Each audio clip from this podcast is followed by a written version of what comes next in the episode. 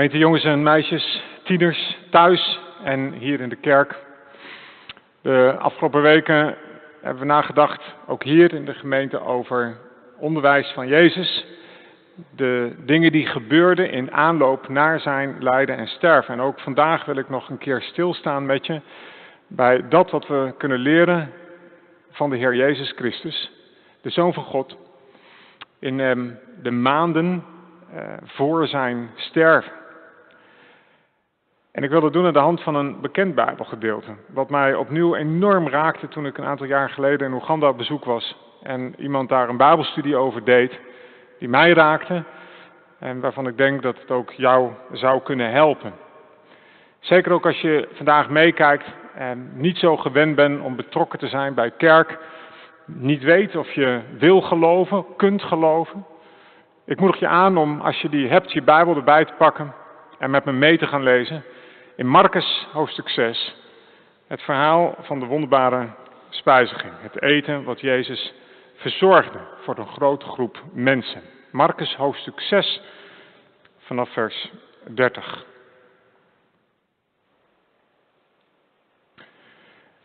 De apostelen kwamen terug bij Jezus en ze vertelden hem over alles wat ze hadden gedaan en wat ze de mensen hadden onderwezen. En hij zei tegen hen, ga mee naar een eenzame plaats om alleen te zijn en een tijdje uit te rusten. Want het was een voortdurend komen en gaan van mensen, zodat ze zelfs de kans niet kregen om te eten. Ze voerden met de boot naar een afgelegen plaats om daar alleen te kunnen zijn. Maar hun vertrek werd opgemerkt en velen hoorden ervan. En uit alle steden haasten de mensen zich over land naar de plaats en kwamen er nog eerder aan dan Jezus en de apostelen.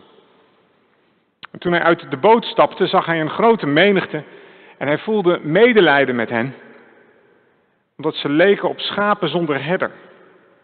En hij onderwees hen langdurig.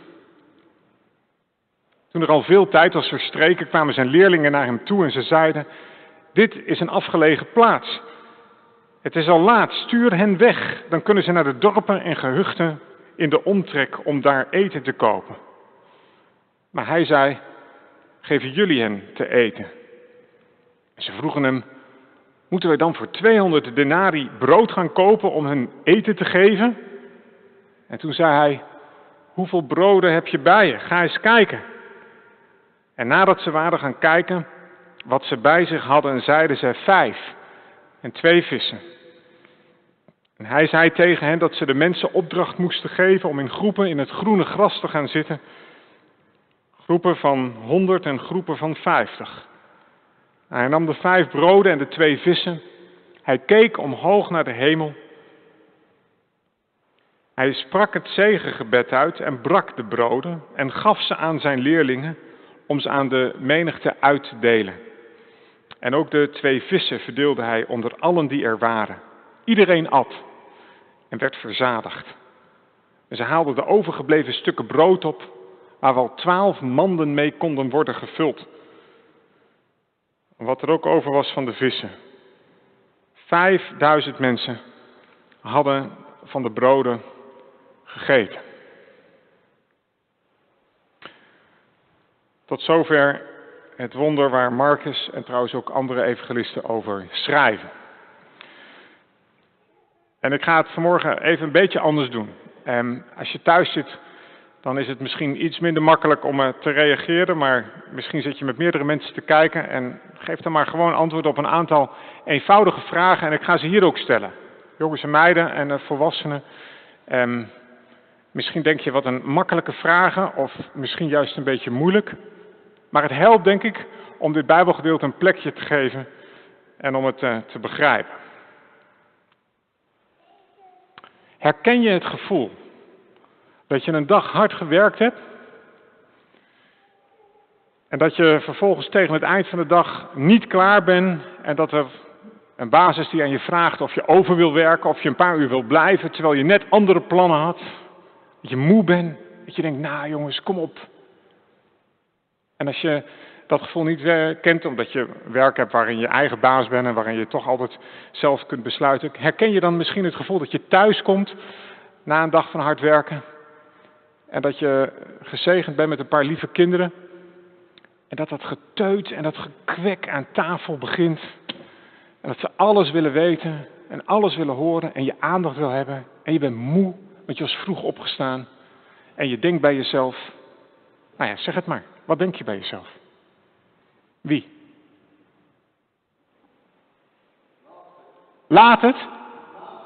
Dat, dat, laatste, ja. Laat het eventjes allemaal. Ik heb nu even, ik hou van jullie, ik heb er even geen zin in. Moe, zat. In het verhaal wat we net lazen, zijn de discipelen van s'morgens vroeg al op pad gegaan. En we weten niet precies hoe laat, maar we weten wel op grond van het verhaal dat het op den duur een soort van lunchtijd was. En dat ze nog steeds niet gegeten hebben, omdat er een komen en een gaan van mensen is. En Jezus ziet het gebeuren en die zegt, wij gaan naar een plek aan de overkant van het meer. Daar is het gras groener om te picknicken. Om pauze te hebben, om rust te nemen. En ze doen het, maar er zijn kennelijk nog wat mensen bij. En ondanks dat er nog geen smartphones waren en, en manieren om elkaar anders te waarschuwen dan hard rennen, varen zij naar de overkant van het water, maar de mensen hebben het gehoord en we lezen in de Bijbel dat een groepje mensen er nog eerder is dan Jezus en zijn discipelen. En dat groepje mensen zwelt aan tot duizenden. Dat is de situatie. Als ik discipel was, dan zou ik denken, jongens, nu even niet. We zouden naar de overkant om rust te nemen, toch? Niet om nog verder te gaan met ons werk. Maar Jezus die ziet die grote groep mensen en hij heeft medelijden met hen. Hoe noemt hij ze hier in de Bijbel? Wie? Even de jongens en meiden, heb je gehoord hoe Jezus naar de mensen kijkt? Volgens hen zijn het schapen, schapen zonder herder. Ja. Nou, wat gebeurt er met schapen zonder herder? Die lopen weg. Schapen zonder herder lopen weg. Of wat nog meer? Ze lopen weg. Ze worden misschien wel aangevallen. Ze worden misschien wel opgegeten. En Jezus kijkt naar de mensen en hij is met medelijden vervuld. In de oude Bijbelvertaling staat met ontferming over hen bewogen. En dan staat er dat hij hen langdurig onderwijs gaat geven. Hoe lang weet ik niet, maar om het even simpel te zeggen, dat wordt een hele lange preek. Zo lang dat er op de duur discipelen zijn die denken, ja jongens, we zouden hier gaan eten, we zouden hier rust nemen. Bovendien, de zon zakt, het wordt notabene al avond. We hebben geen lunch gehad, we gaan zo meteen dineren. En de oplossing van de discipelen is, stuur ze maar weg. Laat ze maar gaan. Het is even genoeg nu. Maar Jezus heeft een andere oplossing. Hij zegt namelijk, geef jullie hen maar te eten. En in het Bijbelboek van, dat Johannes geschreven heeft, staat zelfs dat het heel heel specifiek Filippus was, een van de discipelen, met wie Jezus het gesprek aanging. Je moet even proberen voor te stellen, hè? ik lees niet precies hoe dat ging, maar Jezus staat daar dus te preken, ik sta hier nu te preken, en stel je voor, ik ga het veel langer maken dan, nou we hebben gelukkig niks afgesproken, dus ik kan het best wel lang maken. Maar ik zou het heel lang maken, en op de duur komt een van de ouderlingen of de jaken en ik zeg van, ja goed jongens, er moet er eentje zijn die hem aan zijn jasje trekt. Er moet eentje moet toch nu het lef hebben om. Zo is het natuurlijk gegaan. En Filippus is dan op de, degene die heeft Jezus aan zijn jasje getrokken. Zegt, ja, ik weet niet hoor. Maar, uh, nou ja, klokje hadden ze niet. Kijken naar de zon. Die man heeft lef. En hij wordt direct gepakt door Jezus. Zo, Filippus, geef jij ze maar te eten, staat er in Johannes. Ja, maar Jezus, doe even normaal. Dat kan natuurlijk niet. Er staan hier duizenden mensen. Dat is een grapje zeker. Het is het eind van de middag. Nou ja, in Amsterdam aan het eind van de middag zijn de supermarkten al leeg qua brood. Toch? Als je vers brood wil hebben, moet je niet eind van de middag of begin van de avond gaan. Laat staan in zo'n, in zo'n gebied met een paar dorpjes, met een paar bakkers zonder vriezers. Waar moeten we dat vandaan halen? En dan komt het meest belangrijke plekje in dit Bijbelgedeelte, vers 38. als Jezus zegt, hoeveel broden hebben jullie bij je? Ga eens kijken. Met andere woorden, wat is er wel? De discipelen lopen rond en ze gaan overal vragen. Wij kennen het verhaal, we kijken terug. Uiteindelijk is daar een jongetje, volgens een van de Bijbelverhalen, die heeft vijf broden en twee visjes bij zich. We weten niet welk jongetje dat was. We weten niet hoe die heet.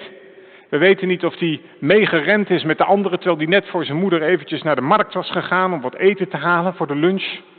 We weten niet of hij het meegenomen had voor de zekerheid, omdat hij niet wist hoe lang het zou gaan duren. Maar er staat daar een grote discipel voor hem en die zegt, kom maar, geef het maar aan mij. Ja, maar waarom dan? Ja, Jezus wil het hebben. Ja, maar als ik het weggeef, dan is het weg. Dan heb ik niks meer. Je moet me zien wat je dan nog terugkrijgt. Of hoeveel ruzie je straks met je moeder krijgt, omdat je je eten hebt weggegeven aan een onbekende man. Maar dit eten, dat het jongetje in de handen van de discipelen legt, wordt gebruikt door Jezus om een groot wonder te doen. De discipelen moeten al het eten uitdelen, maar niet voordat ze het bij Jezus hebben gebracht. Dit is ontzettend belangrijk. We hebben geen Bijbel waarin staat dat Filippus, Petrus of Johannes bij Jezus terugkomt en zegt: Nou, hier, dit is alles wat we hebben: vijf broden, twee vissen. En nogmaals, gemeente, we weten niet of er meer zouden zijn geweest die dat bij zich hadden. Hè? Dat zou natuurlijk best kunnen onder 5000 man. De kans is groot, zou ik zeggen. Maar die hebben het dan niet afgegeven. En Jezus die staat daar tegenover zijn discipelen. En ik zou bijna zeggen, gelukkig maar, zegt hij dan niet. Nou, Filippus, Johannes, succes met je vijf broden en twee vissen. Voed de mensen maar. Nee, eerst is daar het zegengebed. Jezus neemt het in zijn hand. Heft het op naar de hemel. Bidt zijn vader om een zegen en dan vindt het wonder plaats. De discipelen delen het uit. Iedereen eet en wordt verzadigd. En aan het eind zijn er nog twaalf volle korven over. Volle manden. Waarom twaalf? Wie? Twaalf stammen van Israël. Dat is wat mensen daar wisten, de Joodse mensen. Twaalf, het symbool van de twaalf stammen van Israël, het Oude Testament. Ja? Nog meer? Twaalf discipelen? Ja. Ja, die mannen die zullen ondertussen wel heel veel honger hebben gehad, toch? Ze gingen om te lunchen naar de overkant van het meer. Ze hebben een preek van een paar uur achter de kiezen. Ze hebben tussen 5000 man gezocht naar eten. Ze hebben eten uitgedeeld. Ze hebben overgebleven eten opgehaald. Die hadden de tong op de schoenen hangen, die mannen. En ze krijgen allemaal een mand vol. Maar het laat natuurlijk ook zien dat er overvloed was. Niet een klein beetje, niet net genoeg. Overvloed. Belangrijke vraag. Hoe had Jezus de menigte ook kunnen voeden? Wie? Was er een andere manier geweest? Er zijn er zeker twee. Mannen? Mannen uit de hemel? Waren Joodse mensen. Die kenden het verhaal van Mozes in de woestijn. Jezus had daar kunnen zeggen tegen de discipelen en tegen de mensen: Oké jongens, wacht even. Het is inderdaad waar, het is laat geworden. Wacht even. Om te onderstrepen wat ik net heb gezegd doe ik een gebed tot mijn Vader in de hemel. En er valt manna uit de hemel. Hoofdstukken hiervoor lezen we dat Jezus verzocht werd in de woestijn. En wat zei hij op den duur? Als antwoord op Satan notabene. Die zei, als u honger hebt Jezus, maak van deze stenen brood. Satan, je moet de Heer jouw God niet verzoeken. Zelfs Satan weet dat Jezus machtig is om van stenen brood te maken. Jezus had die mensen niet nodig. Hij had het jongetje ook niet nodig en die vijf broden en twee vissen niet. Maar hij doet het wel op die manier. God zet mensen in bij zijn wonder. En wat voor mensen? Gewone mensen. Ik heb later wel eens gedacht, stel je nou voor dat dit jongetje Paulus was. Dat we een mooie brief hadden ergens in de Korinthe of de Romeinen. En dat Paulus schreef, beste gemeente van Korinthe. Misschien kennen jullie het verhaal van vroeger over een heel gelovig jongetje. Die vijf broden en twee vissen aan Jezus gaf. Het zat er al vroeg in, hè, met geloof. Of zoiets. Nee, dit is een onbekend jongetje. Wat geen naam heeft gekregen. Hier in de Bijbel. En die door de Heer Jezus gebruikt wordt. Met wat hij heeft. Hoeveel broden zijn er? Ga eens kijken. En als je nu bij jezelf denkt, ja, dat is mooi, dat is dan dit verhaal. Gemeente, tientallen van dit soort verhalen staan er in de Bijbel. Dat God mensen inzet bij zijn wonder. Ik zal je er een paar noemen. De weduwe in het Oude Testament met de profeet Elisa. Zij roept de profeet en ze zegt: Ik heb een schuldeiser. Ik kan de schuld niet betalen. En mijn twee kinderen zullen als slaaf verkocht worden. Kunt u wat voor me doen?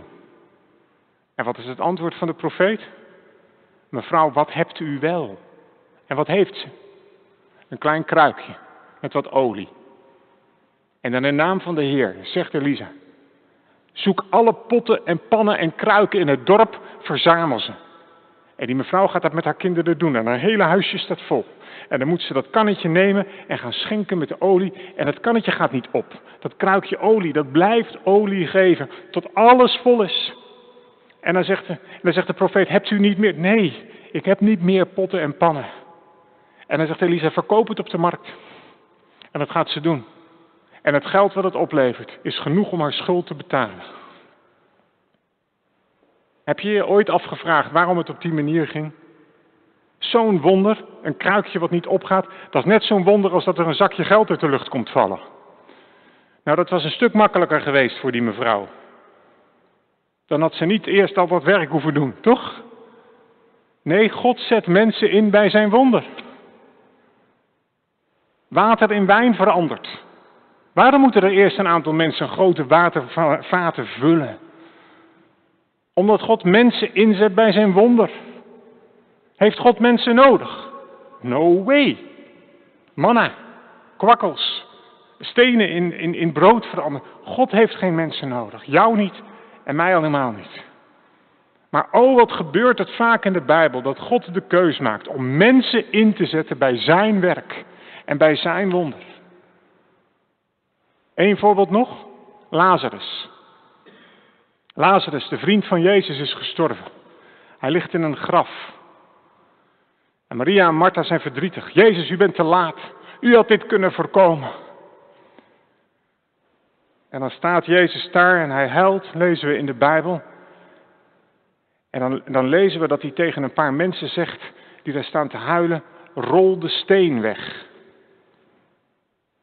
Waarom moet de Zoon van God, de Almachtige, aan een paar kerels vragen, rol de steen weg? Waarom staat er niet in onze Bijbel, en Jezus knipte in zijn vinger en de steen rolde weg? Toch? Of er, was, er kwam een aardbeving en de steen rolde weg. Nee hoor, een paar mannen moeten de steen wegrollen. En dan, dan zijn er anderen die zeggen, Jezus niet doen, niet doen, niet doen. Hij ligt hier al een poos, al vier dagen. Dat kan echt niet. En dan zegt Jezus, Lazarus, kom eruit. En Lazarus staat op uit de dood. En het is natuurlijk een beetje een luguber verhaal. Maar heb je ooit bedacht hoe Lazarus uit dat graf kwam? Uit die spelonk? Zo.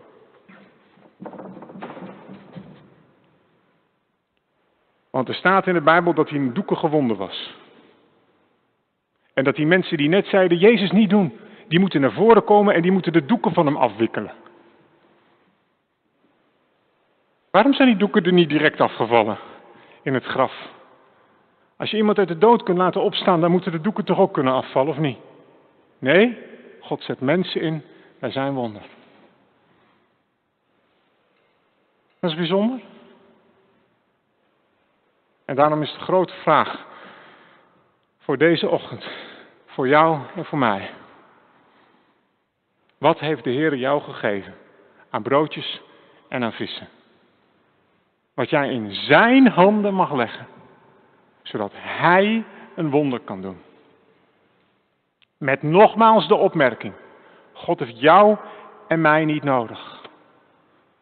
Maar oh, wat gebeurt het vaak in de Bijbel, dat God mensen inzet voor een ander. Hoe dan?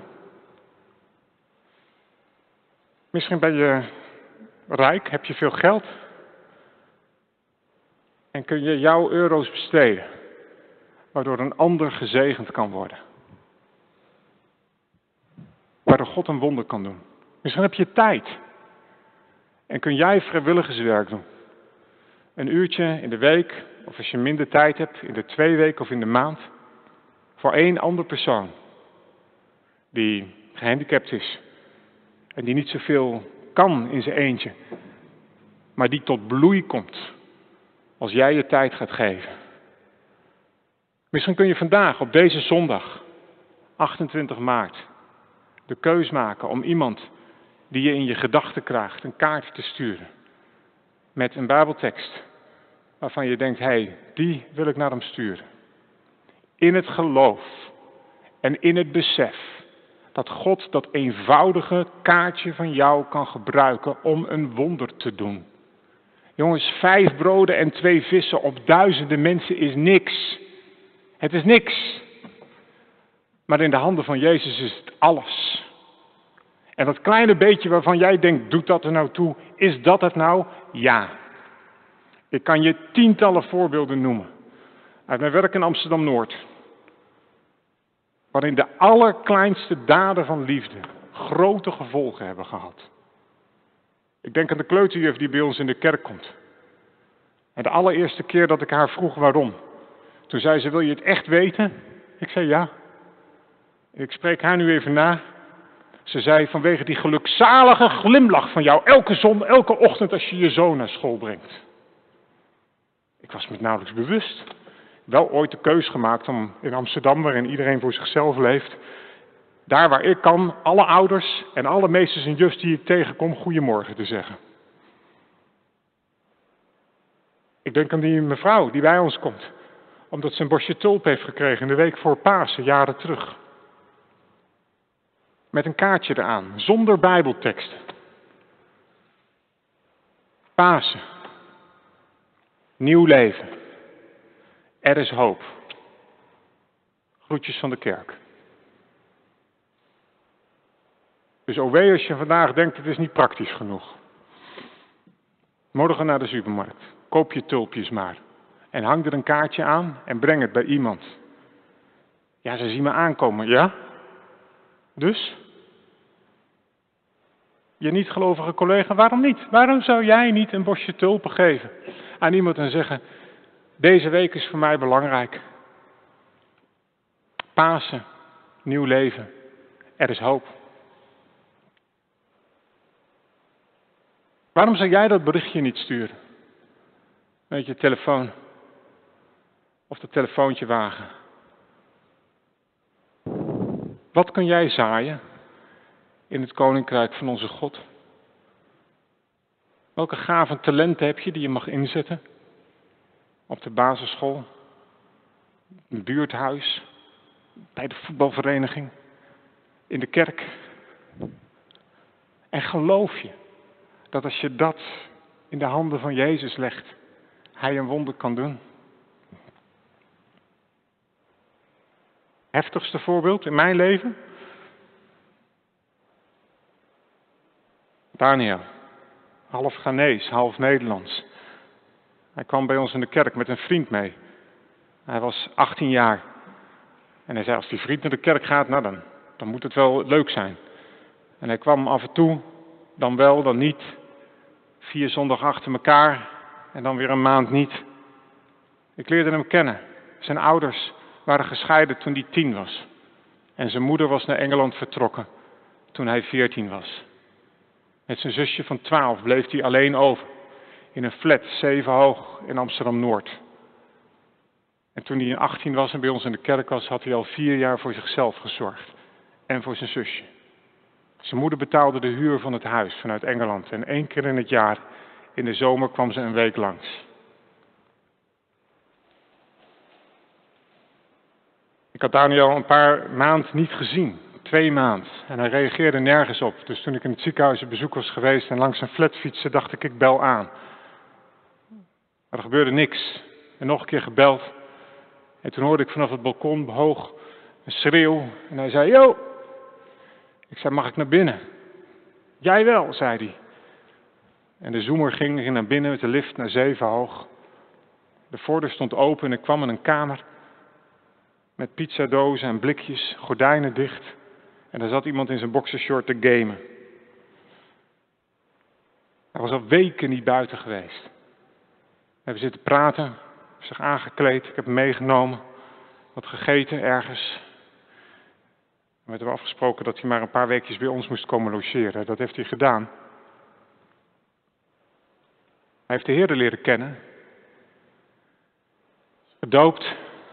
Zijn vrouw ontmoet. Dochter van een dominee die het geloof kwijt was. Zijn getrouwd, een kindje gekregen, heeft een baan. Het contact met moeder is hersteld. Het gaat goed. God zij dank. Maar waarom ik het je vertel, is omdat jaren later, toen hij 25 was, ik hem meenam uit eten om zijn verjaardag te vieren. En hij me vroeg, Jurk, wil iets aan je vertellen. En met toestemming van hem vertel ik het verhaal ook aan jullie.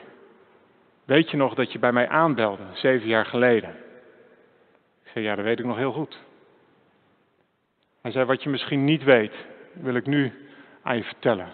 Die ochtend had ik mijn afscheidsbrief geschreven om s'avonds van de flat te springen. Je hebt mijn leven gered. Nou, ik, ik heb je leven niet gered. Dat heeft er maar één gedaan. Maar oh, wat was ik blij dat ik had aangebeld. En naar het stemmetje in mijn hart had geluisterd dat ik gewoon maar langs moest gaan. Ondanks dat ik hem niet kon bereiken. Je broodjes, je vissen. Heb je dat stemmetje ook wel eens in je hart? Dat je het gevoel hebt dat je iets moet doen? Ik weet het, arglistig is ons hart, ook dat van mij soms. Maar ik zou je willen zeggen op deze zondag, luister naar dat stemmetje. En doe wat God van je vraagt. Er kunnen mensenlevens gered worden. Jouw broodjes, jouw visjes, jouw aanbellen kan genoeg zijn in de handen van Hem om een wonder te doen.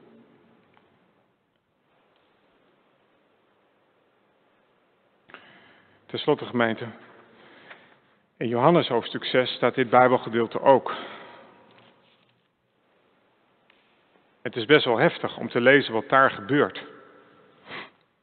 Als je de Bijbel erbij hebt, ook thuis, zoek Johannes 6 dan eens op. Johannes 6, vers 25. En eigenlijk moet je eerst even vers 22 lezen. En daar staat namelijk de volgende dag stond de menigte weer aan de oever van het meer. Vers 25. Ze vonden hem aan de overkant en vroegen, Rabbi, wanneer bent u hier gekomen? En weet je wat Jezus tegen hen zegt? Vers 26. Waarachtig, ik verzeker u. U zoekt me niet omdat u tekenen hebt gezien, maar omdat u brood gegeten hebt en verzadigd bent. U moet geen moeite doen voor brood, voor voedsel dat vergaat, maar voor voedsel dat niet vergaat en dat eeuwig leven geeft. De mensenzoon zal het u geven. De Vader God zelf heeft hem die volmacht gegeven. En ze vroegen, wat moeten we dan doen? Hoe moeten we doen wat God wil? Dit moet u doen, zei Jezus. Geloven in Hem die Hij gezonden heeft. Dus even in mijn eigen woorden, de volgende dag staan die mensen er weer. En ze vragen Jezus um, een wonder, tekenen. En Jezus' felle antwoord is, gisteren heb je wat gezien. Je komt hier helemaal niet omdat je mij wil horen of een wonder wil zien. Je hebt honger en je wil weer gratis eten. Dat, dat is even in normaal Nederlands wat hier staat. U zoekt mij niet van tekenen, maar omdat u brood gegeten hebt en verzadigd bent. En ze worden geraakt door die scherpe woorden van Jezus en ze zeggen, wat moeten we dan doen? Wat moeten we doen? En het antwoord van Jezus is, dit moet u doen. Geloven in Hem, die door de Vader gezonden is. We gaan naar Pasen. Misschien vind je het moeilijk om te geloven wat daar gebeurd is. Jezus zelf, die dit wonder deed, roept ons op om te zeggen, geloof het maar. Met pijn en moeite. Bijna onmogelijk. Vijf broodjes, twee vissen van geloof, een heel klein beetje. Maar God doet er iets groots mee. En met jouw kleine beetje geloof, boordevol vraag, kan God aan de slag. Wil Hij iets geven? Dit moet je doen. Geloof in Hem, die mij gezonden heeft. En dan het heftigst, als je de Bijbel er nog bij hebt, Johannes 6, vers 30. Toen vroegen ze aan hem, welk wonderteken kunt u dan verrichten? Als, u, als we iets zien, dan zullen we in u geloven. Wat kunt u doen? Een dag later, hè? Een dag na het wonder. En vers 31, komt hij? Onze voorouders hebben immers manna in de woestijn gegeten. Zoals geschreven staat, brood uit de hemel heeft hij hun te eten gegeven. Maar Jezus zei, waarachtig, ik verzeker u, Mozes heeft u het brood uit de hemel niet gegeven, maar mijn vader geeft u het ware brood uit de hemel. Het brood van God is het brood dat neerdaalt uit de hemel en dat leven geeft aan de wereld. Geef ons dat brood, Heer, zeggen ze. En Jezus zei, ik ben het brood dat leven geeft. Wie bij mij komt zal geen honger meer hebben en wie in mij gelooft zal nooit meer dorst hebben. Nou zie je dat mijn vraag van zojuist niet helemaal uit de lucht kan vallen. Hè? Hoe kon Jezus de menigte ook voeden? Met manna. Dit waren Joodse mensen, die kenden de verhalen. En ik weet niet hoe het hier in Wijk en Aalburg is, maar in Amsterdam gaat dit precies zo. Vandaag een wonder en morgen twijfel. Vandaag ervaren dat God bestaat en morgen denken, hm? Geraakt in de kerk, geraakt door een Bijbelstudie, Geraakt door je stille tijd. Door een, door een worshipavond. Door, merk mij niet uit waardoor. En de volgende dag krijg je te horen dat je beste vriendin kanker heeft. En je zegt, waar is God? Waarom zij? En ik wil er niet makkelijk over doen, laat dat duidelijk zijn. Maar kennelijk zit het bij ons mensen zo in elkaar. Gisteren 5000 man gevoed door vijf broden en twee vissen. En vandaag het lef hebben om te zeggen: Doe eens een wonder, dan geloven we dat u God bent. Zo kun je Jezus van je afhouden. Wonderen zien gebeuren en zeggen: Ja. Zo arglistig is ons hart, gemeente. Erken het maar. Al zal Jezus hier vanmorgen een wonder doen dan zijn jij en ik geneigd om volgende week te denken, ja, was het wel echt Jezus? Je weet het niet, hè? En daarom, deel maar uit deze week van je broodjes en je vissen. Zie maar wat God wil doen door jouw eenvoud heen, door jouw niks heen. En als je je afvraagt, wat is de wil van God? Nou, niet per se om je broodjes en vissen weg te geven, maar geloven in Hem die gezonden is. Het levende brood wat uit de hemel is neergedaald. Jezus de Heer. Eten van dat brood betekent dat je gevoed wordt door de geest van God zelf. Dat je vreugdevol je weg mag gaan. Dat je honger naar zelfrechtvaardiging wordt gestild. Dat je teleurstelling in jezelf stopt. Dat je verlangen om één te zijn met God werkelijkheid wordt. Dat Christus zelf jouw leven voedt. Ik bid je toe dat je dat deze week mag ervaren. Als er bijeenkomsten zijn om te bidden. Als je wordt opgeroepen om te vasten. Als donderdag de maaltijd van de Heer Jezus Christus gebruikt wordt.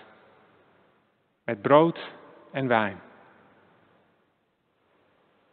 Als tekenen van Jezus zelf. Het levende brood. Wat ons voedt. Waardoor we verzadigd worden. Waardoor we bemoedigd en bekrachtigd worden. Om onze weg te gaan. Om uit te delen. Van wat God jou gegeven heeft. En om de vreugde te ervaren. Dat het niet van jou afhangt. Maar van Hem. Die het wonder doet. In de levens van mensen en van jou. Maar daar, wat een genade. Jou en mij voor inzet. Amen.